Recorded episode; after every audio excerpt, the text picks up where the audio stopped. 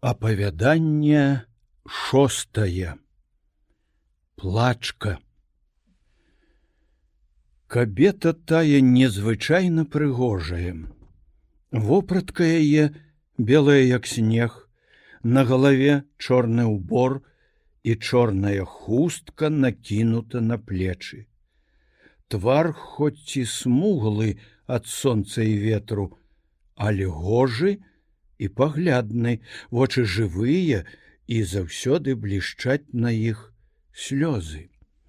Яна з'яўляецца найчасцей у пакінутых дамах, у пустых касцёлах і на руінах. Бачылі яе таксама пад дрэвамі або пасярод поля. Пасля захаду сонца яна сядае на камені, наракае на лёс жаласным голасам і заліваецца слязьмі. Кажуць тыя, хто набліжаўся да яе чулі такія словы: Няма каму даверыць таямніцу сэрца майго. Калі я ехаў з полацка, на папасе апавядаў мне карчмар, што там блізка ад дарогі за бярозавым гаем стаіць пустая хата. Ля яе быў адно невялікі вішнёвы садок.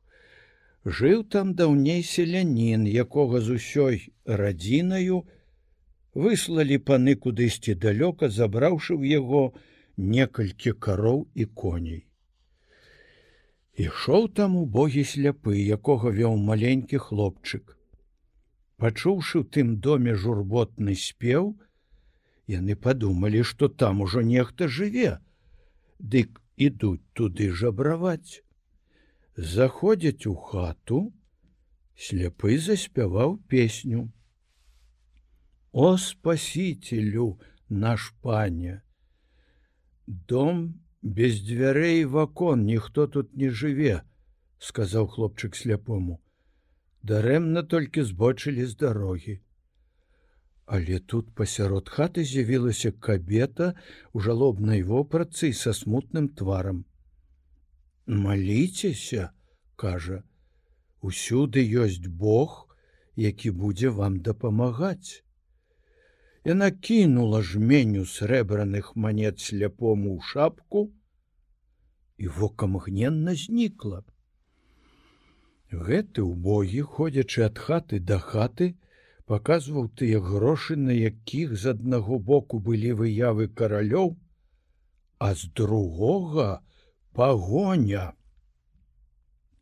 Непадалёк ад дарогі, калі едзеш на віцебск, стаіць пустая капліца. Там пасля захаду сонца бачылі, што яна плакала, седзячы на парозе. Яе маркотны голас далёка адзываўся. Розныя думалі людзі пра гэтую плачку. Адны баяліся, што яна вяшчуе нейкае вялікае няшчасце, вайну, паморак або голад ва ўсім краі. Па вёсках старыя людзі гаварылі між сабою пра гэтую кабету, заўсёды прадказваючы нешта дрэннае. Некаторыя ж з маладых мелі зусім іншую думку. Яны даводзілі, што там, дзе з'яўляецца плачка, напэўна, скарб у зямлі. І ўся ваколіца упадабала гэтую думку. На канцы тае вёскі жыў убогі чалавек, які даўней абышоў увесь свет. Вярнуўшыся да свае сям'і, жыў толькі з міласціны. Ён часта паўтараў усім браты, слёзы і нараканні гэтыя жанчыны абяцаюць вам не золата і срэбра.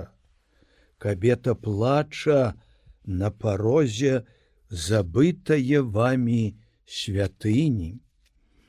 Вы думаеце толькі пра багацце, а вас чакаюць няшчасці і пакуты.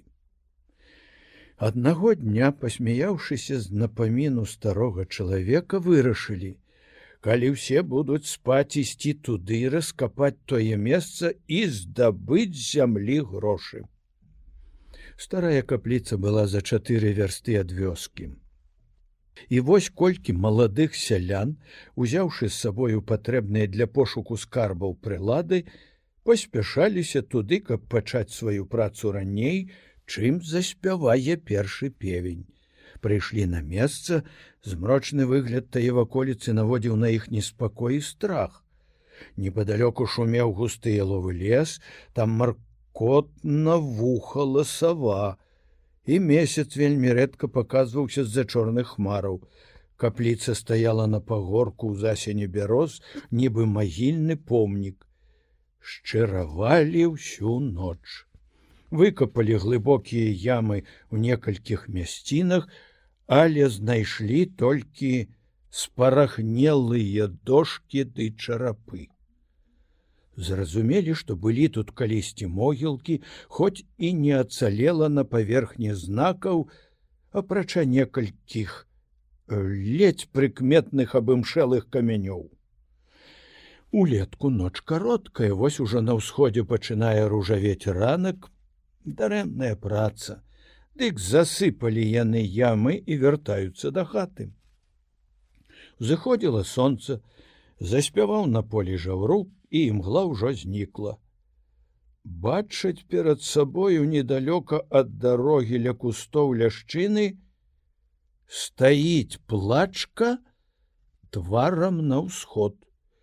У яе руках ветрык матляе яркую стужку тая трымціць у паветры бліскавіца толькі адзін з іх сказаў пайшлі смела да яе прывід імгненна знік на тым месцы дзе стаяла плачка вісела на галіне велізарнае асінае гнездо жамярыцы што заляталі і выляталі з гэтага гнязда жыгалі ў ранішніх сонечных праменях нібы залатыя іскры. Паслухайте мае рады, сказаў адзін з іх. Мы абвяжам асінае гняздо хусткаю, прыйдзем да старога, пабудзем і скажам, што ля капліцы выкапалі скарб і частку ахвяруем яму. А калі ўстане з пасцелі, укінем яму в окно асінае гнездо. Няхай шалее стары усе пагадзіліся пабудзілі старога ўкінулі ў хату асінае гнездо а самі смеючыся ўцяклі дзіва нечуванае стары бачыць перад сабою рассыпанае на зямлі золата І калі ён здзіўлена глядзеў на гэта, кажуць, з'явілася перад ім кабета, тая самая, што плакала на парозе старое капліцы і сказала: « Бяры палову гэтага скарбу сабе, а другую раздай у Богім. Бог дапамагае маім пакутным дзецям. Сказаўшы гэта, яна ў момант знікла. У інфлянтах жа было такое здарэнне. У маентку іхняга пана узвышаліся руіны нейкага старажытнага замка.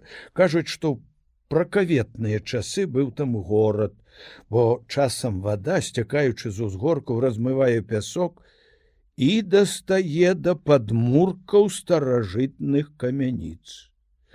Там часта знаходзяць шкляныя, або ржавыя жалезныя рэчы, што даўней служылі дзеля аздобы, абломкі зброі, а зрэдчас медныя або срэбныя грошы, што стагоддзямі ляжалі ў зямлі. Сюды штовечар пасля заходу сонца прыходзіла плачка. Яна вешала на руіны вянкі польных красак, садзілася на камень, і заломваючы руки залівалася слязьмі. Не адзін мінак, чуючы здалёк яе нараканні, смутны вяртаўся дадому і апавядаў пра гэта іншым. Былі такія цікаўныя, што чуючы ляман дзіўныя кабеты, падышлі ў вечаровым змроку да яе, і са слоў, якія пачулі, зразумелі, што нейкая нешчаслівая маці плача па сваіх дзецях.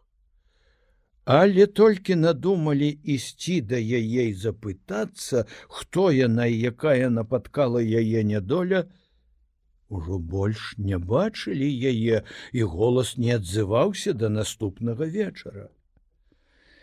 Не зразумеў ніхто, што гэта такое.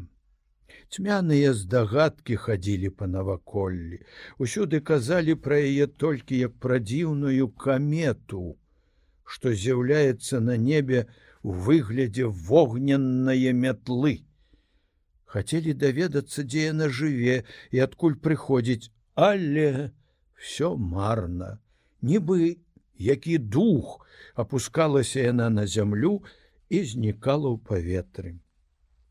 Кажуць што і сам іхні пан не пярэчыў гэтым дзіўным апавяданнем бо ён таксама сустрэў яе аднаго разу вяртаючыся позняй парою да хаты і чуў, як плакала яна на руінах замка.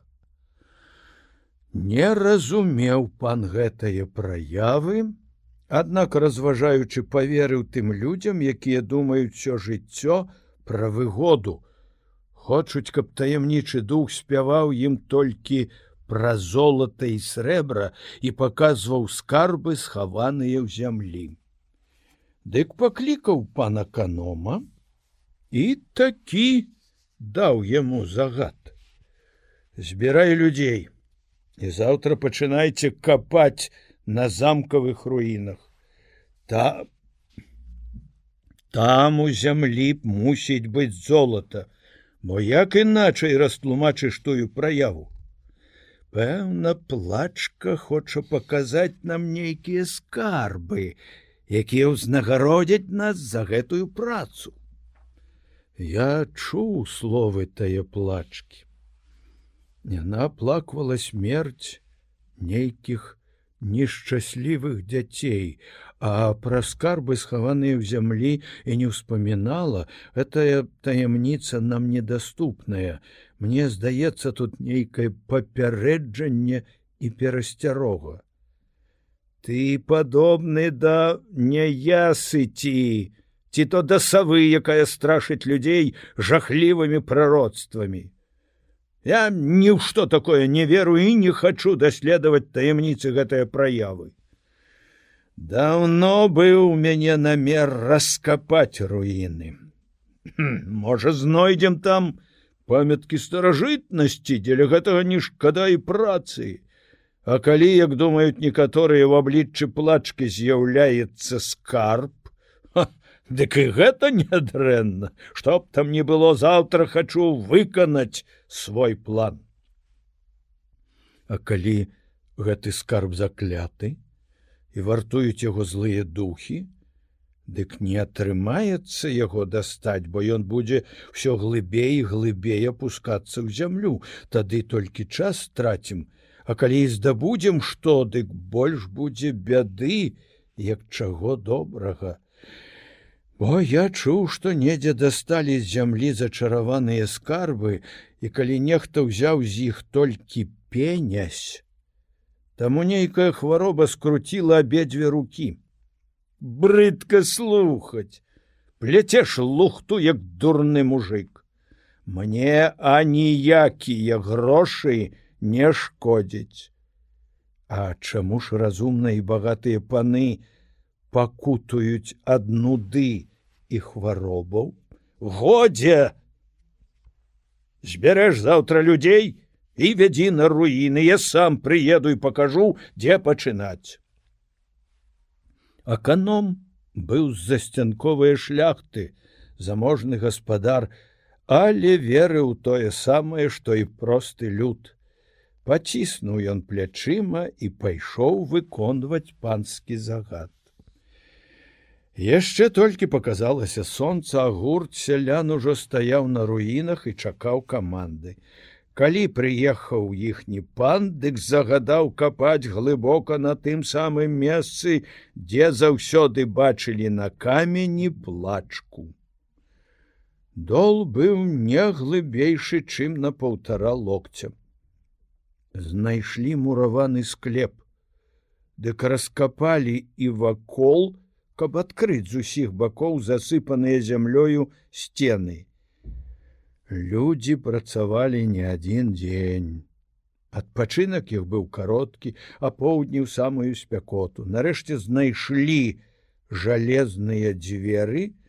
З абодвух бакоў гэтага склепа былі маленькія вакенцы, на якіх яшчэ моцна трымаліся жалезныя проржавелыя краты выламалі дзверы, адчынілі гэты склеп, куды стагоддзяў колькі не заглядваў сонечны прамень. Глуха там быў магіле, заходзяць з агнём, сіх апанаваў страх. Паўсюль, пасярод і ля сцен у розных паставах ляжаць шкілеты косткі рук і ног закаваныя ў цяжкія жалезныя ланцугі. Здранцвелі людзі гледзячы на такі жах. Здыміце кайданы з гэтых шкілетаў сказаў пан і прывязіце мне варта захаваць гэтыя памяткі мінуўшчыны завезлі кайданы пану Ён, паказваючы іх гасцям і сваім суседзяў, ганарыўся, што такія старажытныя рэчы здабыў зямлі, хоць з выгляду яны былі зусім падобныя да цяперашніх. Косці нябожчыкавыя людзі сабралі, пахавалі в адной магіле на бліжэйшых могілках, запрасілі святара і з набажэнствам паставілі велізарны, драўляны крыж. Кажуць, што ў той самы вечар з'явілася плачка ў сваім звычайным жалобным уборы, паклала на магілу кветкі і, укленчыўшы перад драўляным крыжам, тварыла малітвы, заліваючыся слязьмі. Людзі бачылі гэта, але ніхто не падышоў да яе. Паглядаючы здалёк яны адмаўлялі супакой вечны за душы памерлых. Яшчэ колькі вечароў плачка малілася пасыпала магілу кветкамі але цяпер яе ўжо не бачылі На беразе палаты за пять вёрст ад горада, дзе гэтая рэчка мінае бары набліжаецца праз абшары палеткаў да дзвіны, з'явілася тая самая плачка. Бачылі яе на пагорку таксама пры захадзе сонца. Яна сядала на камень, які там ляжаў у засені разложыстых бяроз. Бачылі яе сяляне, ідучы да хаты пасля дзённай працы і падарожныя, што вярталіся з горада ўвечары разышлася вестка пра гэтую дзіўную праяву. Людзі, так як і ўсюды, мелі розныя меркаванні, але большасць трымалася тыя думкі, што там ляжаць закапаныя ў зямлі скарбы. У полацку асобныя казалі, што ваколіцы іх горада і даўней вельмі часта былі тэатрам вайны. Засталося паданне быццам частка нейкага войска пасля паражэння баючыся каб іх багацце не дасталася непрыяцелю закапала золата і срэбра якое мела пры сабе на гэтым пагорку зямлю паклала наверх дзікі камень каб пазначыць месца калі хто з іх вернецца шукаць схаваны там скарб Але прайшлі стагоддзі камень ляжаў на тым самым месцы, а пад ім не крануты скарб. Слухаючы такія размовы, некалькі юнакоў, што жылі ў полацку, дамовіліся пайсці ўначы на той пагорак, дастаць скарб і падзяліць яго між сабою. Узялі патрэбныя прылады, калі ўсе спалі, выйшлі за горад. Ноч была пагодлівая, неба высыпанае зоркамі, поўня свяціла ў версе. Ішлі яны ціха і асцярожна, каб ніхто не сустрэў іх на дарозе. Мінулі касцёл святого ксаверія, дзе спачываюць астанкі законнікаў і абывацеляў гэтага краю. Пачуўшы на спасе голас вартаўнікоў, што пераклікаліся між сабою, яны збочылі з дарогі і доўга ішлі берагам рэчкі аж да самага месца. Прыйшлі на пагорак, знайшлі дзікі камень. Палова яго была ў зямлі, а верх пакрываў сухі мох акапалі яго вакол і супольна сапхнули з месца глыбока ў зямлю білі рапіру на вострым канцом стукнула так нібы кранула нейкую металёвую рэч бясспрэчна тут скар пачалі капаць працавалі доўга часта паролі зямлю рапіраю. Скар быў не глыбока, але пясок, асыпаючыся з усіх бакоў, некалькі разоў засыпаў яму.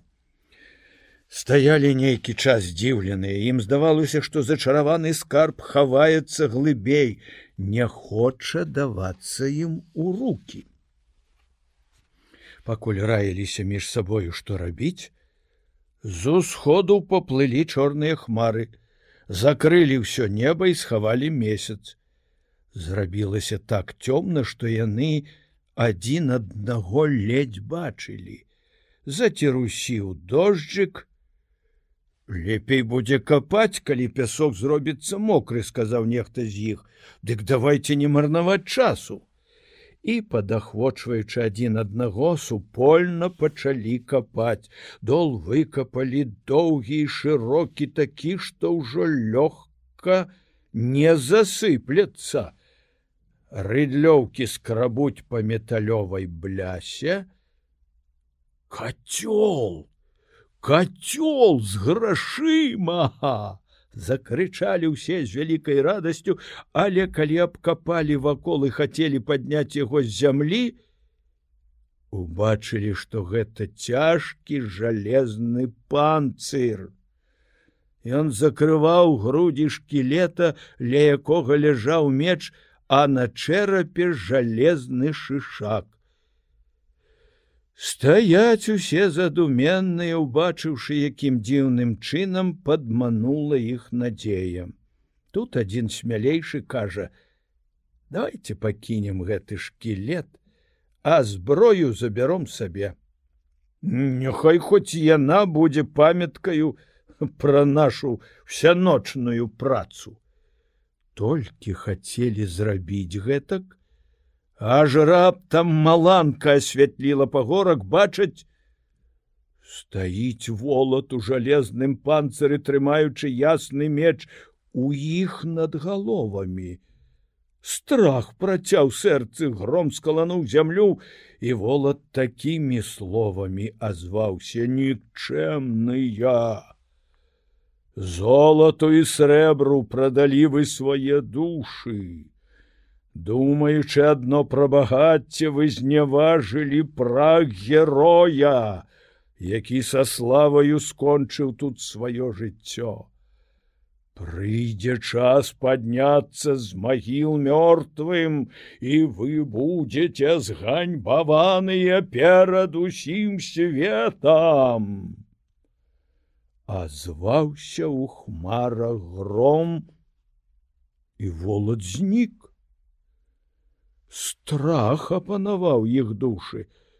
Доўга стаялі знямелыя як начныя здані у святле бліскавіцы зноў бачаць перад сабою засыпаны пяском дол.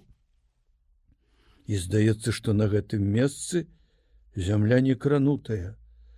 Забылі на пагорку рапіру і свае рыдлёўкі. Забылі якая дарога вядзе да горада беглі праз лугі засеяныя палеткі здавалася ім што той волад з мячом у руках доўга гнаўся за імі.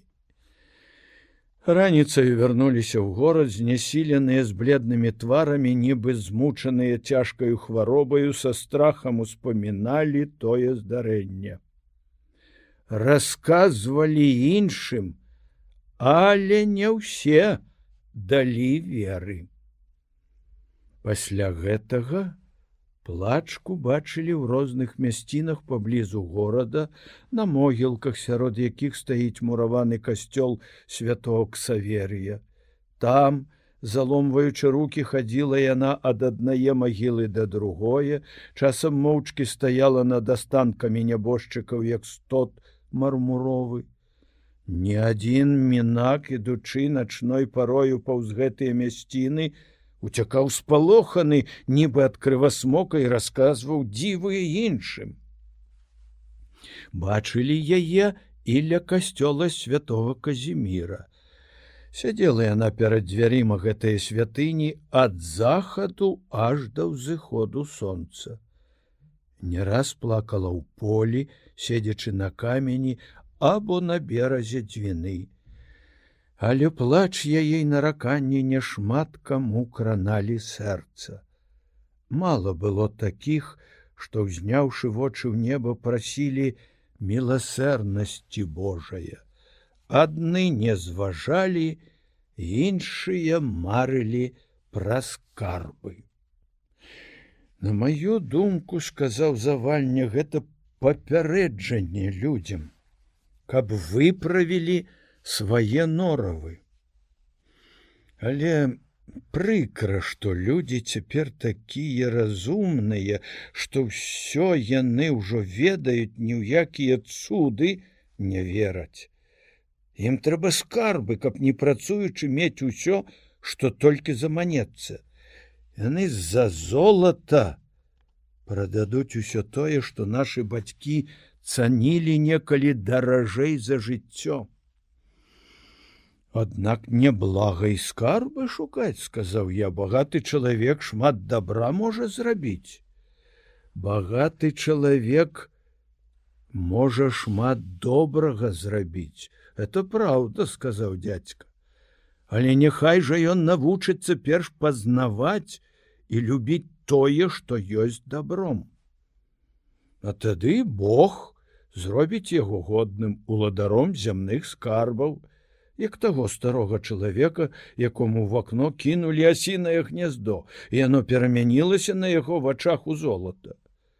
Людзі ганяюцца за багаццем не дзеля таго, каб рабіць бліжнім добро, а каб нічога не рабіць, або, што яшчэ горш, каб шкодзіць.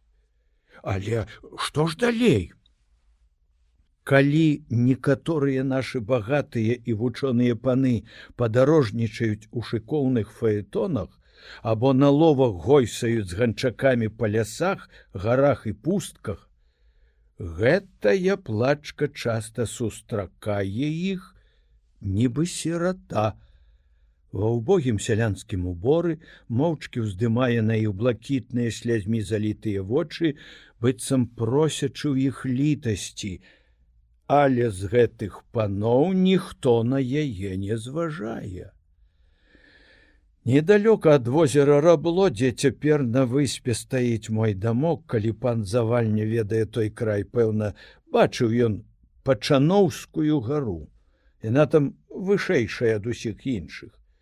Схілы яе пазарасталі лесам, а вяршыня роўна і гладкая. Пра гэтую гару між людзей розныя ходзяць апавяданні. Кажуць, што колісь там быў кляштары касцёл і хоць не відаць ніякіх знакаў, кажуць быццам чуваць з-пад зямлі спевы і галасы званоў. Іншыя кажуць, што на самай вяршыні гэтай гары уначы ў сваім жалобным уборы, упаўшы на калені, руки і вочы ўздымаючы дазорак, малілася са слязьмі, плачка. Перад ёю адкрылася неба, святло яснейшае за сонечнае разлілося ў версе гэтак, што ў лясах і на палетках прачнуліся ўсе птушки ды звяры і ад слёз гэтыя кабеты утварылася крыніца жывое вады. З таго часу чалавек, які першы раз наведвае вяршыню пачаноўскай гары, той, хто раней не чуў пра гэтае дзіва, сустрэне чысцюткую крыніцу, а недалёка ад яе стаіць журботная сіраціна ў сялянскім уборы. Хто нап'ецца з гэтай крыніцы і пазнае сірату, той будзе вешчуном. Все таямніцы ўбачыць ён з вяршыні гары. Заходзілі людзі на гару, былі і такія, што бачылі крыніцу і маркотную сіраціну, Аднак пагарджалі крыніцаю і вясковаю дзяўчынаю. Пачуўшы ад іншых пра тыя дзівы, узыходзілі другі раз, але ўжо не сустракалі нікога і не знаходзілі месца, дзе была тая крыніца. Няўжо гэта тая самая плачка, якую бачылі ў ваколіцах полацка і ў іншых кутках Беларусі прыходзіць у абліччы вясковыя сіраты. Пэўна тая самая, сказаў сляпы францішак. Але ганарыстыя і карыслівыя людзі не зразумелі яе. Хоць яна па ўсім краі з'яўляецца вобліку плачкі і вясковыя сіраты. Ты, Янка, чалавек вучоны, а ці разумееш, хто была тая плачка. Цуды можна разумець сэрцам, а не навукаю. Мы яшчэ нейкі час гаманілі пра гэтую плачку, але заспяваў певень. За поўнач ужо, сказаў сляпы францішак. Дазволь, пане завальня, по-дарожнаму адпачыць. Дякуй табе, сказаў дядька, цудоўнае апавяданне. Ён патушыў святло, Я пайшоў свой пакой, Пра плачку думаў, аж пакуль другі раз не праспяваў певень.